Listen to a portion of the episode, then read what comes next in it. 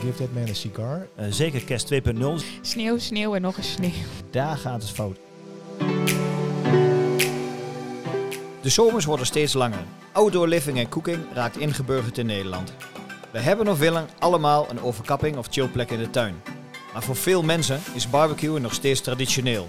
Af en toe met een groepje mensen spek en spiesjes verbranden en je vol eten met salades en stokbrood. Mark En Michelle, leren mannen en vrouwen de barbecue 365 dagen per jaar te gebruiken. puur. Lekker, verbindend en gezond. Als maaltijd of als gezellige barbecue met vrienden, familie of relaties. We gaan samen met jou op zoek naar de kunst van het barbecuen in de Barbecue Meesterschap Gespotcast.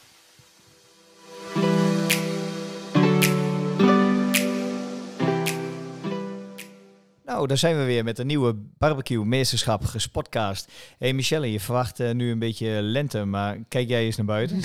ja. Sneeuw, sneeuw en nog eens sneeuw. Heel bizar hè? De Pasen is voorbij, de, de narcissen en de sneeuwklokjes komen uit de grond.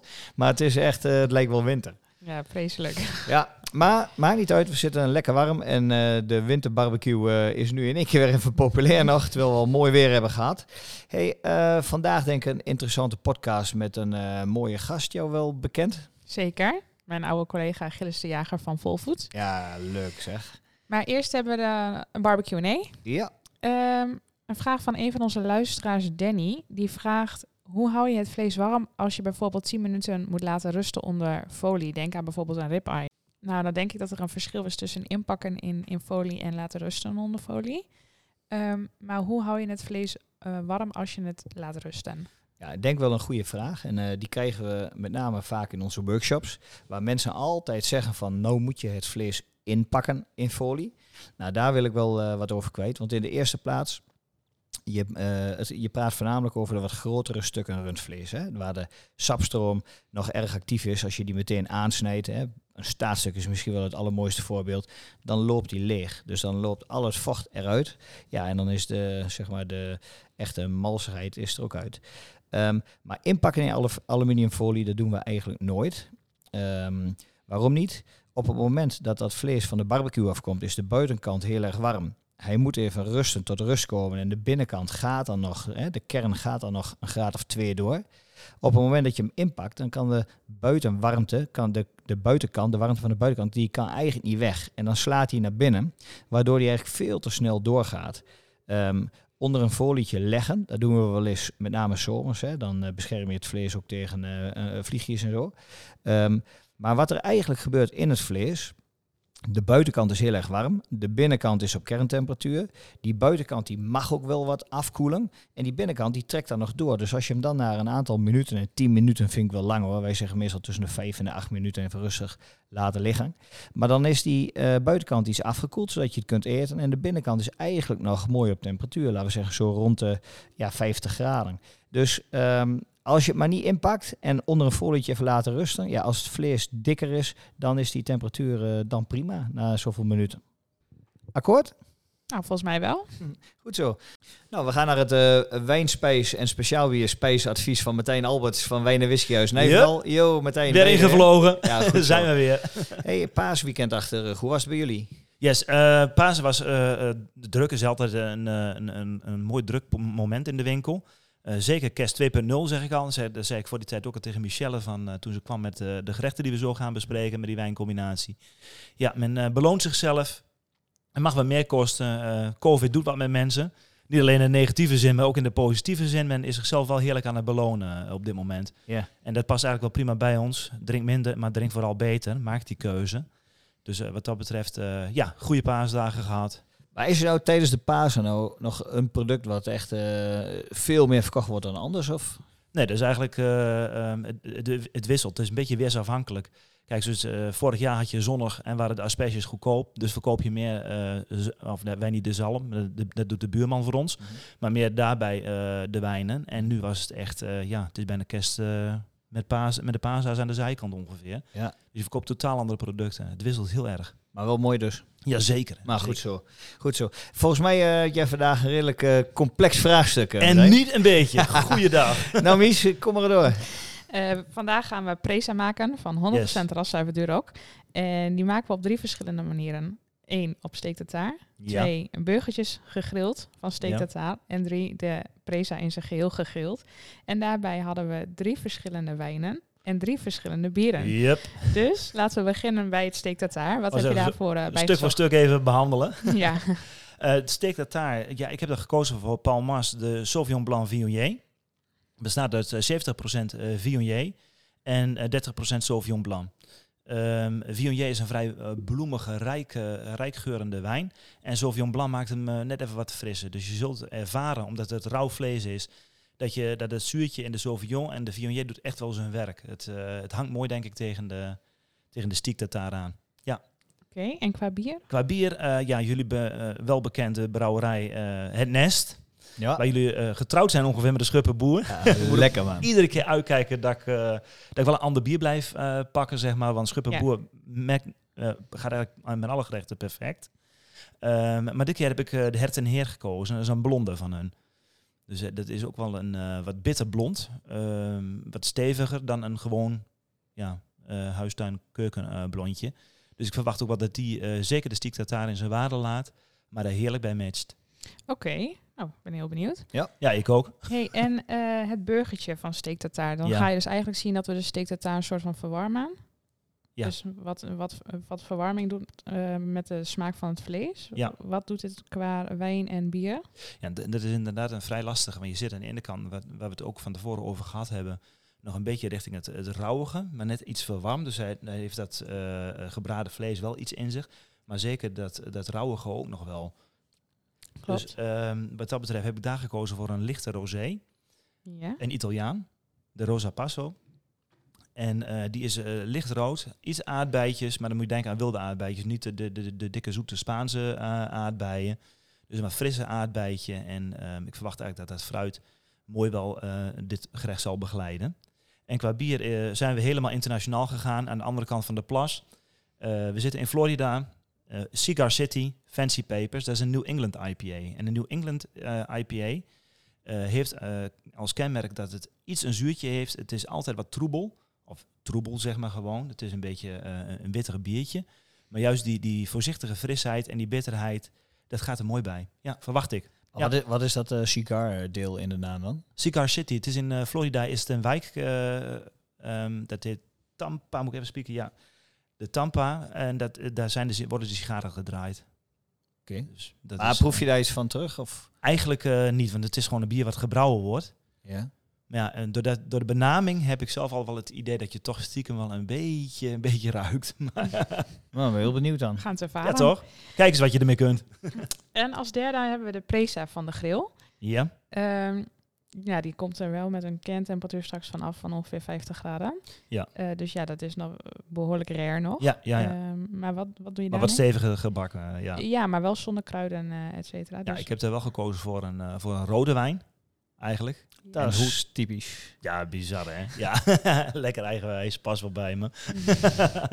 nee, maar dit moet kunnen. Dit maar wel een lichte rode, denk ik. dan. Ja, nou ja, hij is wel eh, vol, maar eh, eh, aan de, ik begrijp wat je bedoelt. Hij is niet zwaar hout gelagerd of dergelijke. Nee. Oké. Nee, ze hebben het, eh, je hebt Today Special.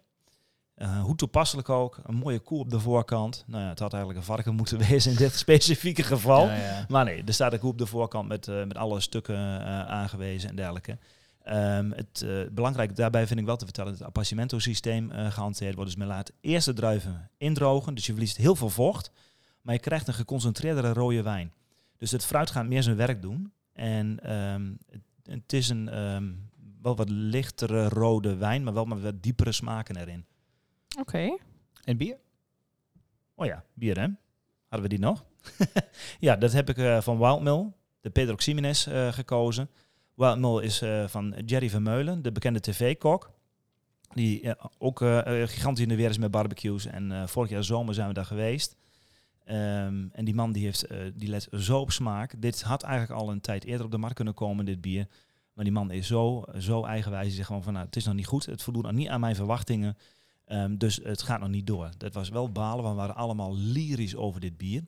Het is zijn donkere bier, maar dan heeft het gerijpt op peroximines eh vaten. En als je dan op een tap kijkt, ja, dan soms eh, heb je er heel veel aan en soms denk je echt, waar halen ze dit vandaan? Is echt een Google Translate.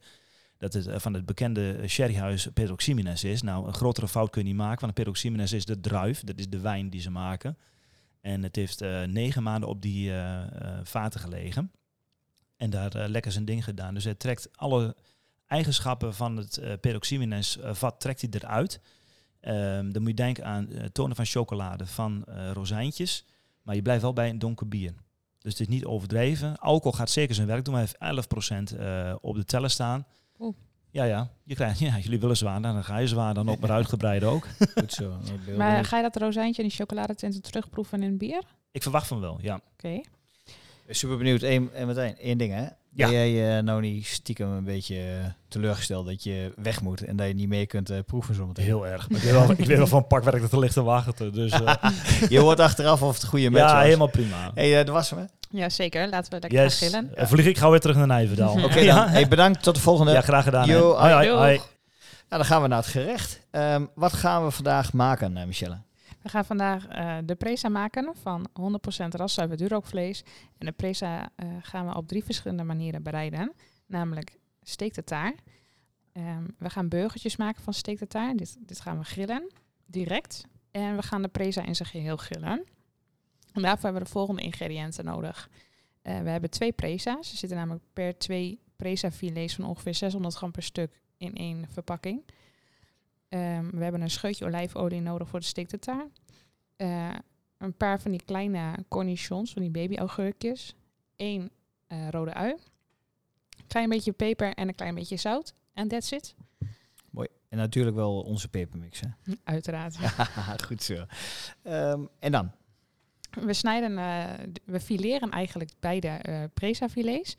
En die vouwen we open, zodat je toch even dat hele mooie intramusculaire vet kan zien. Ehm, twee filets, twee halve filets laten we in zijn geheel. Die gaan we eh, straks grillen.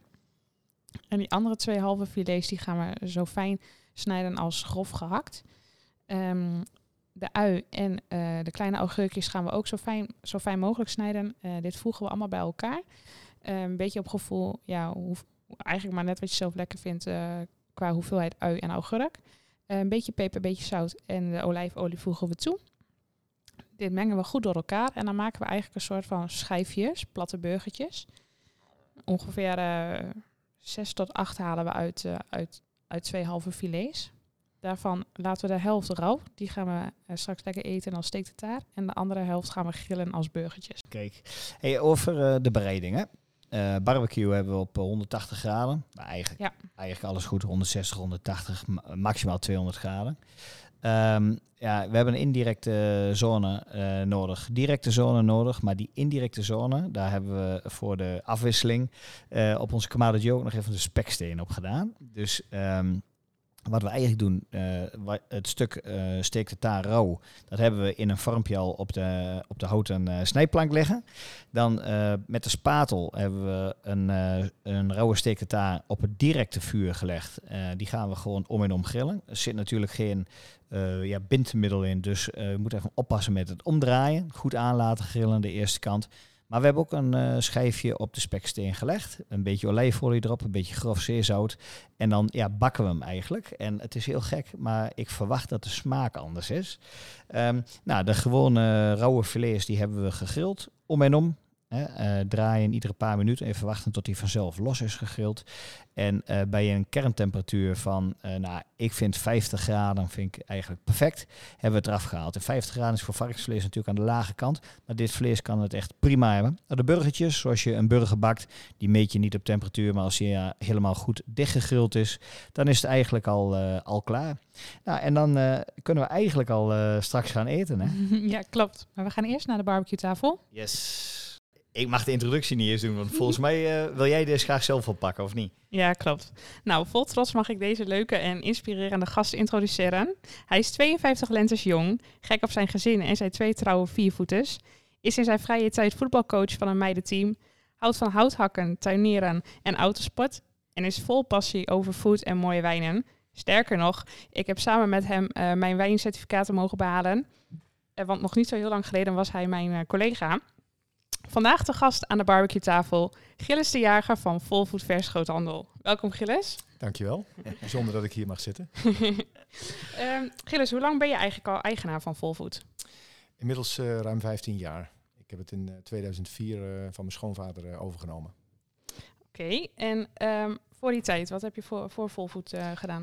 heb ik eigenlijk twee dingen gedaan. Eerst een jaartje in eh, de automobielbranche gewerkt. En toen kwam ik eigenlijk wel in aanraking met een ICT-project. En toen vond ik automatisering eigenlijk heel erg leuk. Heb ik een jaartje of tien in gewerkt. Maar ja, eh, het bloed kroop toch niet een beetje waar het gaan kon rondom eten en drinken. En ja, toen bleek eigenlijk dat het bedrijf van mijn schoonvader wel een stukje opvolging eh, ja, nodig had. Of eh, eh, ja, vroeg hoe of wat. En toen dacht ik, dat lijkt me een unieke kans. En zodoende erin gerold. Oké. hey, en voor onze luisteraars om uh, Volvoet een beetje naar, bij Volvoet een beetje een beeld te krijgen. ehm, is Volvoet een zelfbedieningsgroothandel? Nee, dat zijn we niet. Eigenlijk ook bewust niet. Eh, wij zijn een, een groothandel waar die, eh, die zelf bezorgt, dus bij de klanten. Ehm, klanten kunnen hun bestelling wel afhalen. En wat we wel doen is uiteraard rondjes door de koelcel, zo gezegd, als klanten op bezoek komen. Maar we zijn bewust geen zelfbedieningsgroothandel. Dat heeft een beetje met te maken met ons assortiment, het specifieke karakter ervan. Ehm, en we willen ook de service kunnen ver- verlenen. En dan ja, past afhalen eigenlijk niet goed in dat, in dat concept. Ja, dat is wel eh, misschien wel een, een eh, mooie verduidelijking. Ehm, als je kijkt naar het assortiment, wij hebben natuurlijk een aantal versgroothandels waar we, waar we onze producten afnemen. Maar voor mijn gevoel hebben we wel bij jou steeds wat, ja, wat unieker eh, assortiment. Kun je omschrijven ehm, eh, in, welke, zeg maar, in welke range jullie verkopen? Ja, kijk, onze doelgroep bestaat eigenlijk uit drie groepen. Dat zijn de, de, de speciaalzaken, slagers, groente, eh, kaas, delicatessen, eh, catering en eh, horeca. En daarbinnen zijn eh, vooral de culinaire gastronomie. En die stellen gewoon wat eisen aan de producten. Ehm, beschikbaarheid, toch wat unieke producten die niet overal zeg maar, liggen. En ook de kwaliteit en ook de versheid daarin. Ehm, dus ik, vaak vat ik het samen in zeg maar, het midden- en hogere segment. Dus ook niet op ketens, ook niet bij eh, eh, franchise-formules en dat soort dingen. En dus ook niet in de retail, oftewel de supermarkt. Maar ehm, wel massa. Nee, nee, ik zou het als massa zeker niet willen zien. En natuurlijk, een beetje volume is altijd wel, dat heb je ook nodig, hè, om wat franco-bestellingen vanuit het buitenland en dergelijke. Maar we richten ons natuurlijk niet op de massa, maar juist op de kwaliteit en het onderscheid. En ja, daar past massa niet bij. Dat is overigens wel een reden dat je goed bij ons past. Wij zoeken dat ook heel nadrukkelijk op. En eh, ja, eh, daarom verrassen wij ook steeds onze, onze klanten en opdrachtgevers met mooie, nieuwe, unieke producten. Dus dat is wel heel mooi. Ehm, en die mooie producten haal je natuurlijk bij je prachtige leveranciers vandaan. Vorig jaar zijn we, eigenlijk al twee jaar terug, zijn we samen naar Spanje geweest. Hè, naar de, eh, onze leverancier van, eh, van Duroc, van El Unico. Ja. Ehm, ga je met regelmaat, eh, bezoek je met regelmaat je leveranciers? Eerste antwoord zou zijn, dat moet nog vaker. Ja, Ehm, reisjes. Ja, maar goed, nee, dat is natuurlijk altijd een afweging van tijd en een stukje prioriteit. Eh, we hebben het in de, zeker de afgelopen jaren eh, met regelmaat gedaan.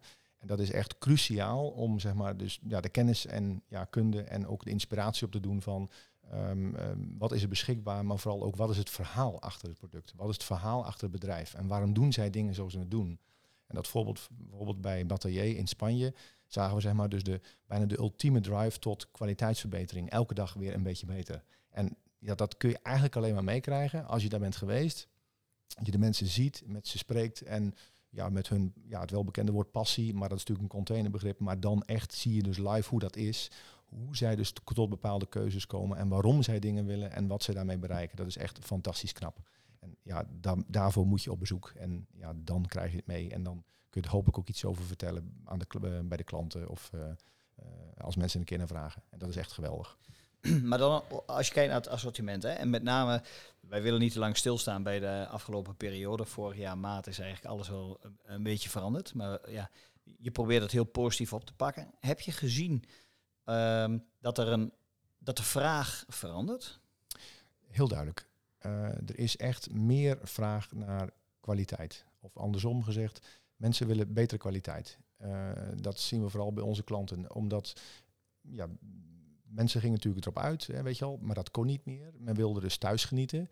Eh, maar ja, dan moet het ook wel genieten zijn. En eh, ja, dan, hé, hey, dat, dat ken ik, maar ik wil eigenlijk iets beters. En dat is eigenlijk afgelopen jaar best snel gegaan. Ehm, dat past natuurlijk goed bij ons concept. Ehm, betekent ook weer dat wij ook weer natuurlijk op zoek moeten naar vernieuwingen. Die komen er ook. bijvoorbeeld, nou, we hebben net wat gezien rondom eh, nieuwe soorten eh, gesneden vleeswaren. Ehm, en ook een nieuwe verpakking. En nou goed, ja, dat zijn mooie dingen. En daar proberen we ook gewoon gedoseerd te brengen. Niet te snel te veel. Maar wel één ding, het moet kwaliteit zijn. Maar dat zie je ook in meerdere branches volgens mij.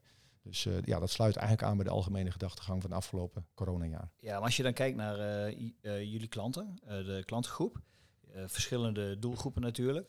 Hebben ze, eh, zijn er dan ook groepen geweest die echt nog groei hebben gerealiseerd afgelopen jaar? Ja, vooral de, mm, ja, vooral de slagerij en de groentezaken, zeg maar, die dus zowel eh, eh, ja, hun traditionele eh, assortiment leverden, als ook wel op het gebied van vooral maaltijdvoorziening. Ehm, dat is echt gegroeid en men was echt op zoek naar wat beters, wat anders dan bij ja, de Albert Heijn of eh, collega daarvan. Ja. Ehm, en ehm, ja, dat, daar hebben we de vraag duidelijk zien toenemen. Maar dan heb je, eh, ja, bezoeken was natuurlijk moeilijk, dus je kwam denk ik eh, weinig bij de, bij de klanten over de vloer. Hoe, hoe heb je dan die veranderende vraag kunnen invullen? Hoe benader je dan op dat moment je, je klanten nog? Ja, kijk, bezoek is natuurlijk wel is wat lastiger. Ik zeg niet dat het onmogelijk is. We hebben dat gewoon in goed overleg gedaan. Kijk, het mondkapjes gebeuren natuurlijk is vanaf zeg maar december natuurlijk eh, pas ingevoerd. Tot die tijd ging dat nog iets beter. Ehm, en ja, als je dan gewoon dat van tevoren met elkaar afstemt en je komt langs en je neemt wat proefmonsters mee, dan is dat op zich goed te doen en daar kun je er gewoon rustig over praten. En daardoor hebben we dus toch bepaalde producten onder de aandacht kunnen brengen. Mooi. Door deze ontwikkelingen, ja, hoe, hoe zie je de toekomst eigenlijk voor je? Eh, ja, natuurlijk heel uitdagend, ehm, maar zeker ook kansen. Ehm, ik denk dat de, de, eh, de focus op kwaliteit, zeg maar, die zal zeker blijven. Eh, we zijn zomaar nog niet van corona af, in de zin van ehm, dat, dat er beperkingen zijn. Maar het gaat erom dat je altijd probeert toch ook dat als te zien als een kans, als een mogelijkheid om, eh, om, om zeg maar mooie producten te brengen. En ik denk dat, er juist nu, dat er juist nu mogelijkheden voor zijn. Ehm, mensen willen thuis genieten. Kijk maar eens wat er wordt verkocht aan, eh, aan terrasoverkappingen, eh, eh, ehm, buitenkeukens, Barbecues. barbecues. ik kan het zeggen. En tot slot zeker barbecues. Ja, dat is enorm. En dat is een ja. En in plaats van mensen zochten natuurlijk op de, de, de grote evenementen, festivals, eh, in parken, gingen ook misschien wel naar het buitenland op vakantie. Dat gaat nu even niet. Of hè, ze willen dat niet. Maar het genieten en het mens als kuddedier om toch elkaar op te zoeken, dat ga je er niet zomaar uit. Ehm, en als je dan kijkt naar, naar jullie huidige assortiment, ehm, welke producten of product zie je dan eh, in de toekomst echt wel verdwijnen? Ja, dat is, ik denk dat het heel simpel is. Eh, dat zijn denk ik bepaalde traditionele Nederlandse en Belgische vleeswaren. Dan moet je vooral denken aan eh, zeg maar orgaanproducten. Denk aan bakbloedworst, tongenworst, weet je wel, dat soort dingen. Ja, kijk, dat is eigenlijk heel smaakvol, maar het is natuurlijk heel traditionele vleeswaren. Ik zou bijna zeggen, welke, ja, welke jongeren van deze tijd eet dat nog? Alleen al bij de gedachtegang, al in de naamstelling al en ook in het zien ervan. Ja, als je dat niet met de- ja, de paplepel bent ingegoten, dan gaat dat gewoon verdwijnen.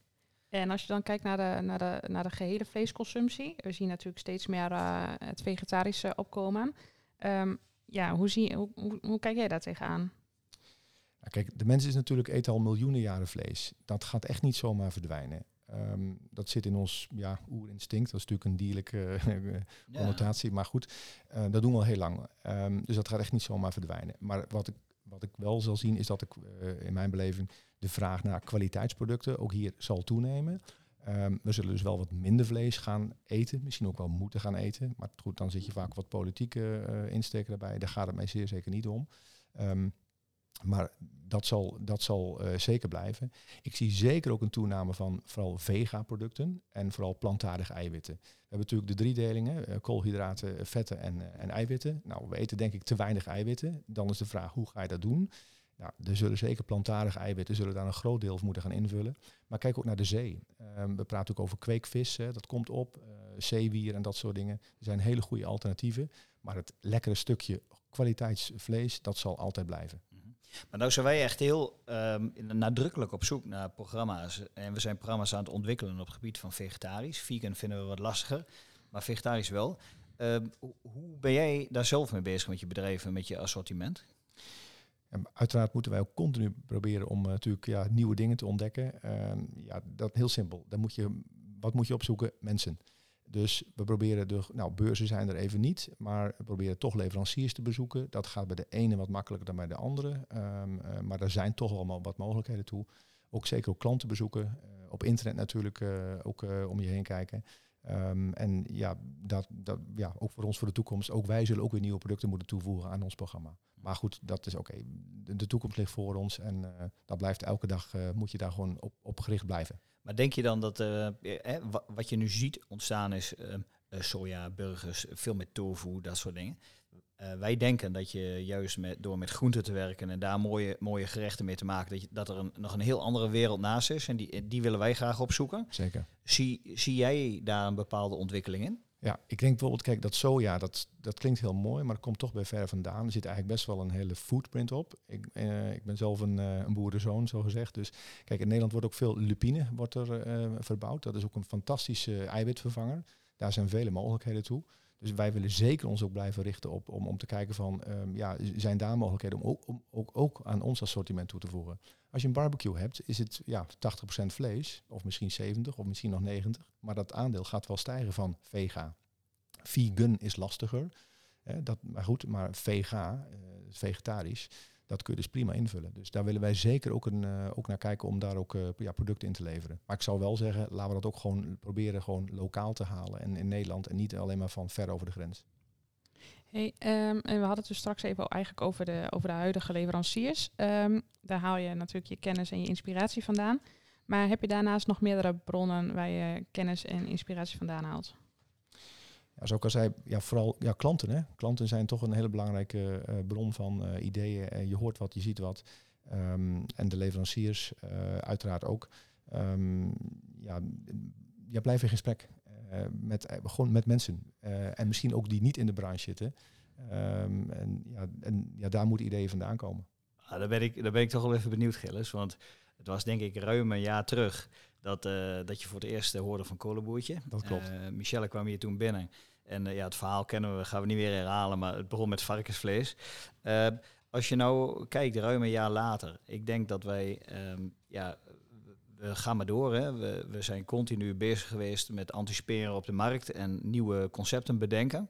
Hoe kijk jij dan als leverancier, eh, als je kijkt naar een jaar terug, oh hier een barbecue uh, kolenboertje komt binnen en waar we nu met elkaar staan? Want wij hebben wel heel veel met elkaar ook gespart, ook over de programma's en over de producten. Heb, heb jij daar een beeld eh, bij? Hoe, je, hoe zie je ons dan? Nou, ja, jullie richten hier volgens mij uitstekend op de trend die nu gaande is. Dat mensen inderdaad thuis willen genieten. Ehm, eh, maar vooral ook die beleving erbij hebben. En die ja, nu nog in wat kleinere groep, zeg maar, met elkaar. Maar goed, straks mogen de groepjes weer wat groter worden, denk ik. Ehm, en ik denk dat het heel uniek is wat jullie doen, door, ook door die abonnementsprogramma's. Waardoor je dus zeg maar dus continu je, ja, je, klant of je gast ehm, dus bindt en dus boeit. En doordat je ze boeit, bind je ze ook. En ja, en, en, en ja, dat betekent dus dat je ook wel, ja, moet je wel gave dingen bieden. Maar goed, die liggen hier volgens mij uitstekend. En ja, met de kennis en kunde van jullie daarbij in de beleving, eh, zo je dat brengt, eh, kun je daar zeker eh, kun, kun je de mensen makkelijk vasthouden. Ja, ik ken je nou eigenlijk al een, een aantal jaren hè? en eh, we delen diezelfde passie over eh, food in combinatie met mooie wijnen. Ehm, welke barbecue gebruik jij thuis nou? Het hangt er een beetje vanaf eh, hoeveel zin en tijd we hebben. maar nee, we hebben er, d- we hebben er drie. Dat klinkt eh, een ouderwetse Weber. Dat is best nog wel een grappig ding. Ehm, even snel een keer wat klaarmaken. Daarnaast hebben we ook een, eh, Big Green Egg en Large. Die zat in een hele mooie houten kast. Die kunnen we verrijden, weet je wel. Dat is leuk. En we hebben met de buurt een paar jaar geleden hebben we dus in Oklahoma zelf gebouwd. Kijk. Een grote, oude wa- een grote eh, oude ehm, waterleidingbuizen aan elkaar gelast. Weet je wel, de ene is uh, techneut en de ander kan lassen en de ander heeft er verstand daarvan. en dat is eigenlijk wel heel gaaf. Kijk, de Oklahoma's staan vooral bekend om het een beetje om het kinky roasty Amerikaanse barbecuen. Nou, dat kan er ook mee, maar dat willen we juist niet. Uh, we willen juist wat proberen wat verfijnen te doen. Um, en ja, goed, uh, we hebben daar van alles op geprobeerd. Maar bijvoorbeeld ook pizza's bijvoorbeeld kun je er ook uitstekend op maken. Maar een geweldige smaak uh, zit daaraan. Ja, maar dan heb je, dan, als je met die drie verschillende barbecues werkt, dan weet ik heel zeker, dan heb jij een fantastisch mooi favoriet gerecht. Waar je na al die jaren zegt van, nou, dat moet je gewoon eens een keer geproefd hebben. Ja, ik, het is natuurlijk lastig om te kiezen, want ik denk dat verandering... Oh, ja, zoveel. Verandering van spijs doet eten, dat is natuurlijk een hele oude wet. Maar goed, een paar persoonlijke favorieten zijn een stuk of twee, drie. Ik noemde hem eigenlijk net al, maar dat komt zo nog wel even. Persoonlijk vind ik als het ja, uh, een, een mooi stuk bavet, uh, weet je wel, goed gemarmerd, mooi op temperatuur, dat blijf ik een fantastisch stuk vlees vinden. Vroeger gooide de slagerij en door het gehakt. Toen kwamen ze erachter dat je natuurlijk veel meer mee kan. Dus echt heel erg zonde. Het heeft een hele mooie textuur. Bereiding is wel belangrijk. Even goed terugkoelen en natuurlijk goed snijden allemaal, alle welbekende dingen. Maar daar kun je mij echt wel wakker voor maken. Persoonlijk eh, vind ik grass-fed met een beetje afgemest met, gra- met grain, is, eh, ja, geeft een fantastische combinatie. Ehm, en heel gek, eh, een, eh, een pulled pork van, van Duroc dan bijvoorbeeld, weet je wel, echt eh, 24 uur lekker gerookt en gesmoked. En dan zelf bereiden met een beetje experimenteren. Kun je me wakker voor maken. En hoe gek het ook klinkt. Een, een zelfgemaakte pizza. Maar dan de luxe variant met een hele mooie dunne Italiaanse bodem. En dan met echte verse groente-ingrediënten. Een, een paar prachtige salamis erbij en een beetje mozzarella. Is echt een feest om van te eten. Serieus. Het is weer gelukt hoor. Ik voel het alweer komen. Ja. nou, nou, je hebt heel vaak natuurlijk met die barbecues eh, gewerkt, maar dan heb je vast ook wel eens een keer een barbecue blooper mee mogen maken. Ja, een echte blooper. Ik, volgens mij net niet. Het is wel zo dat er zeker natuurlijk in, de, in het verleden altijd dingen vanaf kwamen die echt wel voor verbetering vatbaar waren. En dat is eigenlijk wel steeds. Ehm, ik hou wel een beetje experimenteren. En de ene keer lukt het natuurlijk wel beter dan de andere. Wat me wel één keer is overkomen, en het was een beetje uit eh, ja, naïviteit. eh, het, het echte restaurant House Call was op. En denk van hoe gaan we dat oplossen met de Big Green Egg? Denk, oh dan doe ik er wel van die gepeste briketten in. Ja, dat was echt helemaal foute boel.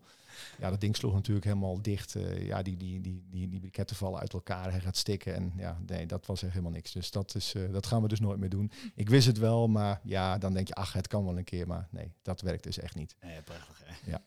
Hey, we hebben net al kort eh, gesproken over die, over die corona-periode sinds vorig jaar maart. Als je nou naar jezelf terugkijkt. We hadden in het begin een keer contact met elkaar en toen zei je, ja, ik weet ook niet wat er gebeurt. We krijgen veel eh, annuleringen. Eh, heb jij een paar wijze lessen die je zelf hebt geleerd die je met ons kunt delen? Ja, ik heb, ja, dan schieten me eigenlijk wel drie dingen te binnen. Ik denk dat het, is, begint altijd dat je je persoonlijke vitaliteit moet je gewoon overeind houden. Je persoonlijke gezondheid. Dat blijft toch heel belangrijk. Ehm, in mijn directe omgeving ken ik gelukkig weinig mensen met corona van de gevolgen. Ehm, en ja, ik denk de kunst om dat proberen zo te houden. Ehm, ja, ten tweede dat mensen ook echt wel ja, oog houden voor kwaliteit. Eh, we realiseren ons eigenlijk dat we nu hier zijn. Ehm, en ja, dat het leven natuurlijk eh, heeft heel veel eh zingeving, maar je moet het wel zelf doen. Ehm, en ja, als je wat de gehaastheid die er misschien was voor corona, die had hele mooie dingen, maar misschien ook wel eens een beetje te gehaast. En ren, renden we onszelf wel eens een beetje voorbij. En ik zie eigenlijk wel dat mensen toch wel realiseren van hé, hey, we moeten toch ook wel eens nadenken van over het nu. Ehm, eh, en ehm, eh, ja, hebben dus daar oog voor. En ik denk daar ook wel, ja, of je moet natuurlijk eh, in een economische wat andere situatie zitten. Maar ook echt wel zeggen van ik ga toch ook genieten, maar wel gepast. Mhm. En tot slot, ehm, ja kijk, zakelijk gezien ook nog wel, wij kregen natuurlijk ook toch wel een stevige tik. Hè. Zeker de catering en de horeca, klanten van ons, ja, die stonden in één keer helemaal op nul. Toen dacht ik van oei, waar gaat dit heen? Maar uiteindelijk ja, trok dat toch ook wel weer redelijk bij. Ehm, en ehm, ja, ik ben echt oprecht ja, dankbaar, maar ook ja, wel een beetje trots en vooral, maar vooral blij dat wij dus toch door zijn kunnen gaan afgelopen jaren zonder dat wij ook overheidssteun nodig hadden. En ehm, ja, daar wil ik de klanten gewoon voor bedanken die dat gewoon ook mogelijk hebben gemaakt.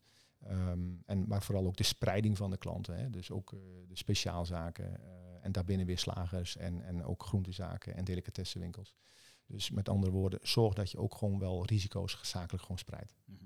Maar je hebt natuurlijk eh, binnen je klantgroep heb je een aantal ondernemers ja, die hebben een opleving gehad nog eventjes voor, voor ja, einde vorig jaar. En daarna is het ook weer stilgevallen. Je hebt een aantal mensen waarschijnlijk gezien die echt met eh super creatieve nieuwe ideeën kwamen. Heb je een, een, een algemeen een, een tip voor, voor zeg maar de klanten buiten ehm, die je zou kunnen delen van wat jou is opgevallen de afgelopen periode? ja, een aantal klanten zeg maar dat toch wat, wat echt wel succesvoller was in de, in de afhaal takeaway zeg maar, vooral dat gedeelte, hè, want de restaurants zijn natuurlijk dicht. Die zijn toch wel om inderdaad ook toch in visuele zin, ehm, zeg maar, ja, toch de, de beleving die zeg maar van het gerecht dat ze maken, om dat over de bühne te krijgen. Dan speelt internet natuurlijk een belangrijke rol, maar ook het organiseren van ja, ja, zeg maar service verlenen. Dus ehm, zorgen dat je de maaltijd gewoon dan warm aflevert. eh, dat je tijdsblokken maakt. Dat je ook aan de, aan de gast of de klant eigenlijk in dit geval dus vraagt van... Oké, wanneer we het bezorgd krijgen. Maar dat je het ook echt afspreekt van in die periode. Dus communiceer met, je, met, met de klant. Ehm, en ehm, ja, dan kun je de toegevoegde waarde die je vanuit je restaurant had... toch ook op tafel daar neerzetten. En dan komt men bij je terug. Mooi. Gilles, kijkend naar de toekomst, eh, waar zie je Volvoet over vijf jaar? Eh, ja, het doel is om nog betere kwaliteit te leveren dan we al deden. Ehm, en wellicht zijn we nog een beetje gegroeid, maar daar ligt eigenlijk eh, ja, niet zozeer de focus. Dat zien we vanzelf wel. Want voor mij is maar één ding, ja, kwa- kwaliteit gaat boven kwantiteit. Mhm. En, en, en, en als je kijkt naar jezelf, naar je persoonlijk, heb jij nog een droom of je zegt van nou die wil ik in de toekomst nog verwezenlijken? Ja, dat is eigenlijk te veel om op te noemen. Oh, daar komt die. Maar ja, in elk geval elke dag blijven leren. Je bent nooit uitgeleerd. Ehm, en ja, wat je ook doet, ik denk dat dat heel, dat het heel belangrijk is. Ehm, graag zou ik nog wel meer willen weten over vis en groenten. Als ik dan toch even bij het zakelijke blijf. Ehm, vooral ook de combinatie van die wijn-spijs, eh, maar dus ook een uh, maaltijd-onderdelen-combinatie. Ehm, zowel in de algemeenheid, maar zeker ook in de bereiding op de, op de keramische barbecue. Ehm, ja, dat, dat lijkt mij mooi om daar nog wat meer van ook te weten. Dus niet alleen maar van het vlees. En daar weet ik ook lang nog niet alles van. Maar vooral ja, die twee gebieden, ja, die zijn nog wel echt wat onderontwikkeld. En het lijkt me leuk om dat ook ja, nog meer van te weten. En eh, daar ook wat in te kunnen variëren. Ja. Het is niet zozeer dat wij ook zeg maar, vis willen gaan verkopen of zo. Zo bedoel ik het niet. En ook groenten, want ja, je kunt volgens mij niet alles doen. Een bepaalde mate van specialisatie moet je houden. Maar voor mezelf, dus als je inderdaad mensen wel een keer wat wil adviseren of hebben vragen, dat je er gewoon ook, ja, toch ook het nodige over kan, eh, kan eh, ehm, vertellen. En ook gewoon voor mijn eigen, ja, voor mijn eigen kennis. Ik vind het gewoon leuk om, om te weten, om veel, veel van dingen rondom eten en drinken, om daar gewoon van te weten. Dus Nou, dan moet je die route naar Wierden maar goed onthouden. die, die ken ik inmiddels goed uit Ja. af, afrit 28, hè, mijn reis. goed zo. Ja. Nou, dan zijn we nu eh, aangekomen bij het, eh, bij het einde eigenlijk. En dan gaan we zo, eh, zo over op het gerecht. Hartstikke goed. Gaan we lekker proeven. Ja. ja, bij het rauwe stik de ta hadden we een mooi blond biertje van Het en Heer, King of Hearts. Dat is eigenlijk hetzelfde biertje als waar we het vaste biertje Schup en Boer van hebben in het assortiment. Ik vond dit een, echt een heel mooi biertje bij het, bij het gerecht. Het vulde elkaar perfect aan. Ik weet niet hoe jullie dat hebben ervaren. Niks aan toe te voegen. Perfecte combinatie. Ja, dat is echt super. Daarbij hadden we een wijn van Palmas, de Viognier Sauvignon. Ik vond hem persoonlijk heel erg mooi, ondanks dat ik niet van een witte wijn hou. Maar, maar ja, je proefde echt eh, de Sauvignon ontzettend goed. En het zuurtje van de, van de Viognier paste perfect bij het rauwe gerecht. Ja, ben ik benieuwd, Gilles. Ja, helemaal mee eens. Kijk, de kunst is om bij rauw vlees, rauw varkensvlees, wie durft het aan? Nou, met steak tartare van uh, Duro kan dat. De, deze wijn die gaf een stukje spagaat naar de andere kant. En dat is een hele mooie balans tegenhanger uh, van, ten opzichte van het vlees. Uitermate mooi gekozen. Ja.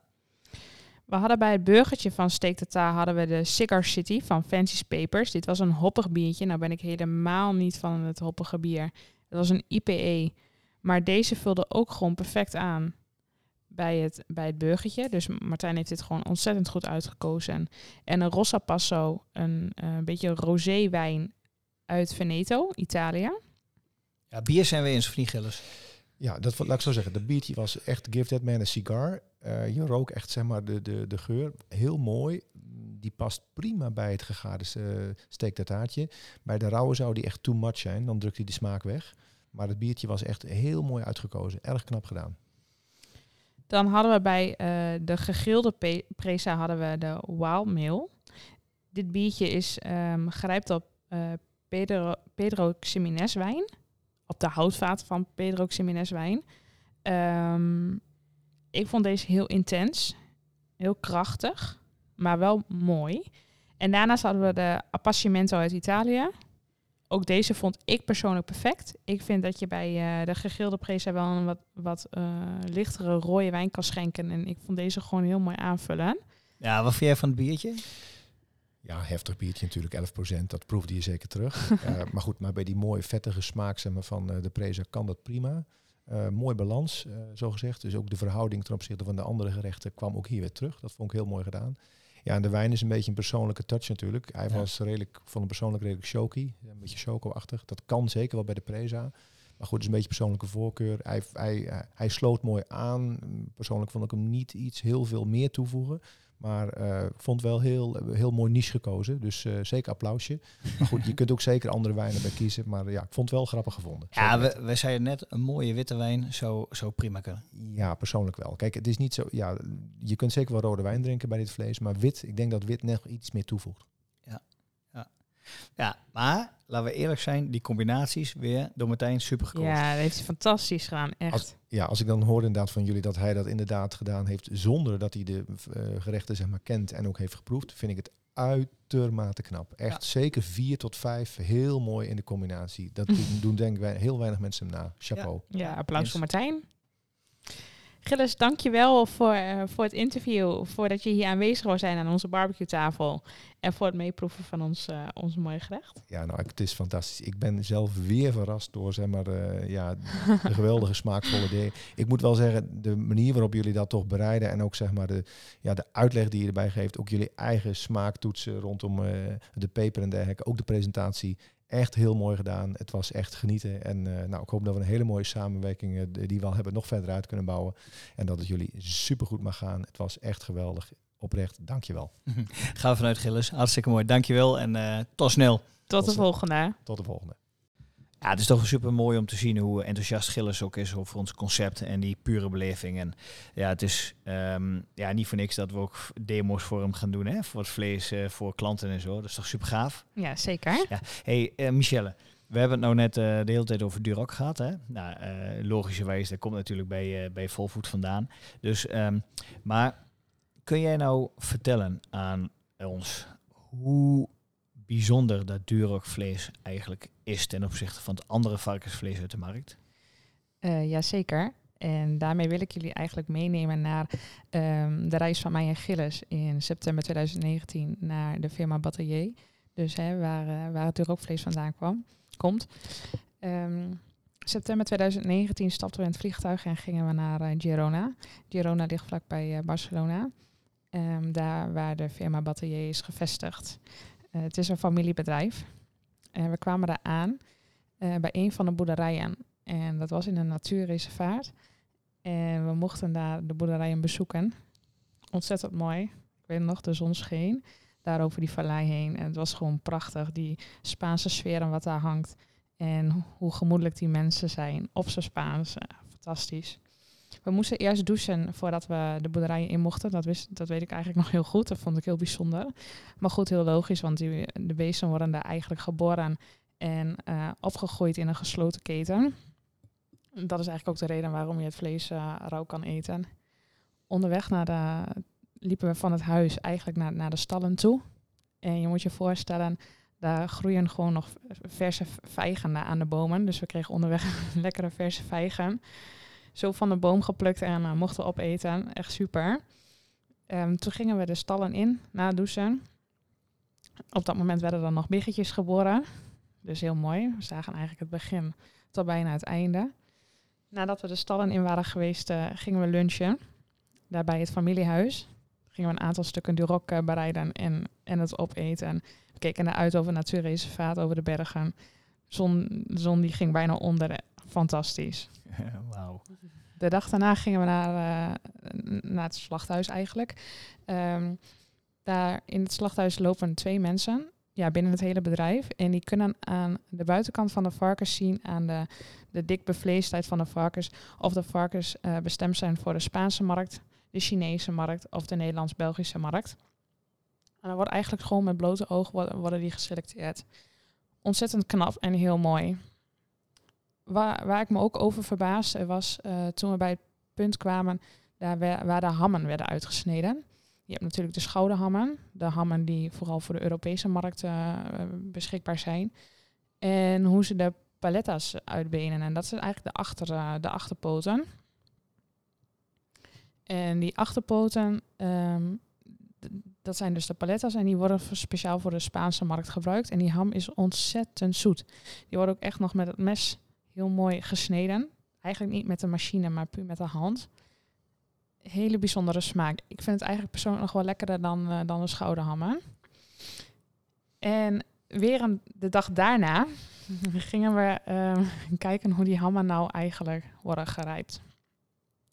Dus eerst liggen ze daar gestapeld op Spaanse wijze te zouten. En dat gebeurt ongeveer een, een dag per kilo. Dus die hammen wegen aan het been ongeveer 18 kilo. Dus ze liggen een kleine drie weken zo, eh, zo te rijpen. Dan worden ze afgespoeld. en vervolgens gaan ze op transport naar het zuiden toe. Waar ze tussen de bergketens van de Sierra Nevada eh, hangen in, in eigenlijk nog oude traditionele bergschuren. Daar loopt een, een mannetje en die kijkt naar buiten en wat voor weer het wordt. En zodra hij ziet dat het aan het weer ehm, dat hij de, schuur, de schuurdeuren open moet doen. Doet hij de schuurdeuren open en dan trekt hij berglucht eigenlijk door, door die hammen heen. En dat geeft die specifieke smaak aan die hammen. En vervolgens vanuit daar worden ze verkocht. Ja, echt. Ja, dat is toch niet normaal, man? dat is echt heel bizar. Is- Echt een ambachtsproduct. Ehm nou ja, en doordat die, de, eh, eh, ehm, de beesten dus daar zo in een gesloten keten worden afgegooid, zijn ze eigenlijk salmonella resistent en bevatten ze geen bacteriën. En eigenlijk begint het al bij het proces van de voeding. Dus de vrachtwagens komen er aan met, met voeding, met mais, eh, met graan. Eh, daar worden eigenlijk samples van genomen uit de vrachtwagens. En zo, zodra daar eigenlijk een bacterie al in wordt gedetecteerd, moeten de vrachtwagens omkeren en komen ze gewoon de fabrieken niet in. Ehm, dus daar begint, daar begint de controle eigenlijk al.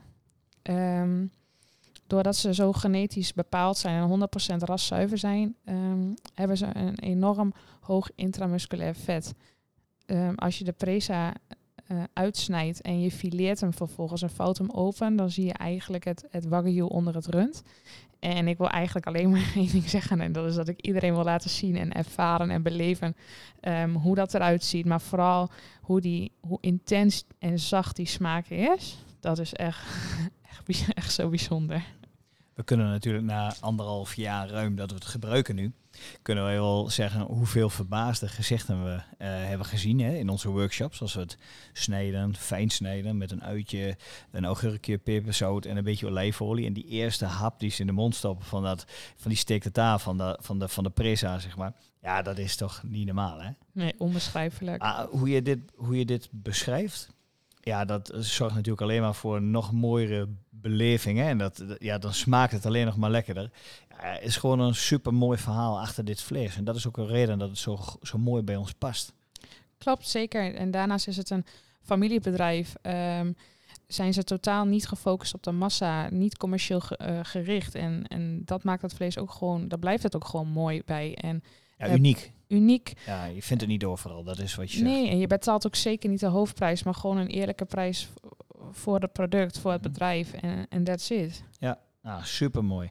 Prachtig, mooi eh, verteld. Ik, eh, ja, ik, ik word er helemaal enthousiast van. Ik vind het zo mooi. En ehm, welke stukken van eh dat Duroc varken ja, gebruiken wij nou echt, voeren wij nou eigenlijk hier bij ons allemaal? Ja, hoofdza- hoofdzakelijk de presa. Dat is het meest exclusieve stukje uit de nek, waar we dus ook de steek de tafel snijden. Ehm, is ook heel mooi om gewoon direct boven, het, eh, boven de grill eh, te bereiden. Ehm, de premium ribben, oftewel de spare ribs. Eigenlijk noemen we dat geen spare ribs, omdat ze 4 tot 5 centimeter meer vlees bevatten dan, eh, dan de, normale spare ribs. Ehm, de trio corona. Hoe leuk natuurlijk in deze tijd. Dat is eigenlijk de, de rugrex. Die bereiden we rosé ook. De ham, uiteraard. Gammel. De gammelreserva. Eh super lekker voor bij de Oh, borrel, maar ook, eh, ook op je broodje. Dat zijn eigenlijk de, de hoofdzakelijke stukken waar we, waar we mee werken. Maar uiteraard kunnen we ook de solomio bestellen. Dat is de varkenshaas. Dat is ook... Ja, wij kennen natuurlijk allemaal het traditionele varkenshaasje, vooral met champignonsaus. Dat maakt hem over het algemeen normaal gesproken zacht. Ehm, maar deze moet je zonder saus bereiden, alleen met een klein beetje peper en zout. eh, en zo rosé mogelijk eten aan. Ja, top. Fantastisch. Nou, super. Eh, eh, ik krijg er gewoon weer terecht van. hè. Jo, mooi. Dankjewel, Michelle. En dan zijn we eigenlijk alweer aangekomen bij onze, onze laatste rubriek. En dat is, vind ik natuurlijk nog steeds de allerleukste. Dat is de barbecue blooper. En dit keer hebben we een, eigenlijk een blooper die nog, eigenlijk nog steeds heel vaak voorkomt. Ja, zeker. En eentje waar je eigenlijk, ja, niet, hij is niet echt om, om te lachen. Maar het is wel een eh, hele belangrijke. Want ehm, vaak komen mensen bij ons en dan hebben ze een opmerking over de brandduur van houtskool. En er zijn vooral vaak mensen die vanaf de Weber naar de Kamado zijn gestapt. En dus overgestapt van briketten naar houtskool. Terwijl je eigenlijk in de Weber ook heel goed houtskool kunt gebruiken. Brandt ongeveer 90% van de eh, duur van briketten. Maar dan zeggen ze, ja, die houtskool die brandt zo snel weg. En dan gaan wij vragen stellen. Hoe steek je hem aan? Hoe eh, laat je hem op temperatuur komen? Hè, ehm, op hoeveel plekken steek je hem aan? Want in een Kamado heb je in principe kun je met één wakkeltje kun je hem aansteken. Maar deze man die kwam ook bij ons en die zegt van nee, het is heel eh, makkelijk. Ik vul mijn Firestater met houtskool. Ik leg daar een aanmaakblokje onder. Dan wacht ik tot alles rood gloeiend is. En dan gooi ik het in mijn barbecue, in mijn kamado. En dan gooi ik vaak nog wat blokjes bij op. Maar daar gaat het fout. En het is echt, het is onvoorstelbaar hoe vaak dit voorkomt. Maar je steekt alleen briketten aan in een firestater. En houtskool, vul je, je vult gewoon je barbecue met houtskool, je vuurschaal tot boven de luchtgaten. En dan doe je er één wokkeltje in en dan steek je die aan. Maar als jij jouw firestater volgooit met houtskool en je wacht tot alles brandt, ja, dan brand je gewoon al op voorhand al een groot deel van jouw houtskool weg. En het is helemaal niet nodig. Dus ehm, ja, dat leg je dan uit en dan voelen mensen zich natuurlijk heel erg dom. Maar ik vind het belangrijk dat je dat mensen vertelt op het moment dat ze dat product kopen. Dus dat ze die Kamado kopen. Dat werkt nou immers net eventjes anders. Dus ah, natuurlijk leuk en we maken daar een geintje van. Maar het is wel een hele serieuze boodschap. Je gebruikt geen firestater met houtskool. Je vult je barbecue, maakt een kuiltje, doet er één aanmaakwokkeltje in, legt een paar blokjes los overheen en zo staat je de barbecue op. Dus misschien eh, vinden, voelen veel mensen zich nu toch in één keer een beetje dom, maar dat is echt eh, de manier om, eh, om die houtskool te gebruiken. Dus fire staat er weg en lekker aansteken met een wokkeltje. Belangrijk genoeg om te vermelden, toch? Ja. Lijkt me wel. Nou, dat was hem denk ik, hè? Ja. Ja. Ja, bedankt eh, voor je bijdrage weer en je, en je input. en eh, tot de volgende. Tot de volgende. Oké, doei. Wij vinden het echt super gaaf dat je weer luisterde naar een aflevering van de Barbecue Meesterschap Gespotcast. Dankjewel. Nog even kort een paar belangrijke dingen. Wist je dat het echt heel eenvoudig is om ons te laten weten wat je van deze podcast vond door een review achter te laten? Ga daarvoor naar je podcast-app waarmee je deze luistert en klik op reviews. Beoordeel ons met sterren en als je wilt met een geschreven review. Waarvoor dank. Wil jij voortaan alle afleveringen overzichtelijk onder elkaar? Abonneer je dan op onze podcast. Klik hiervoor in je app op de button subscribe en je ontvangt automatisch een bericht als er een nieuwe podcastaflevering verschijnt. Wil je sfeerimpressies of behind the scenes beelden zien? Ga dan naar Instagram en volg ons via kolenboertje underscore bbq. Namens Team Kolenboertje en alle leden van onze community, nogmaals dankjewel voor het luisteren en heel graag tot de volgende Barbecue Meesterschap Gespotcast.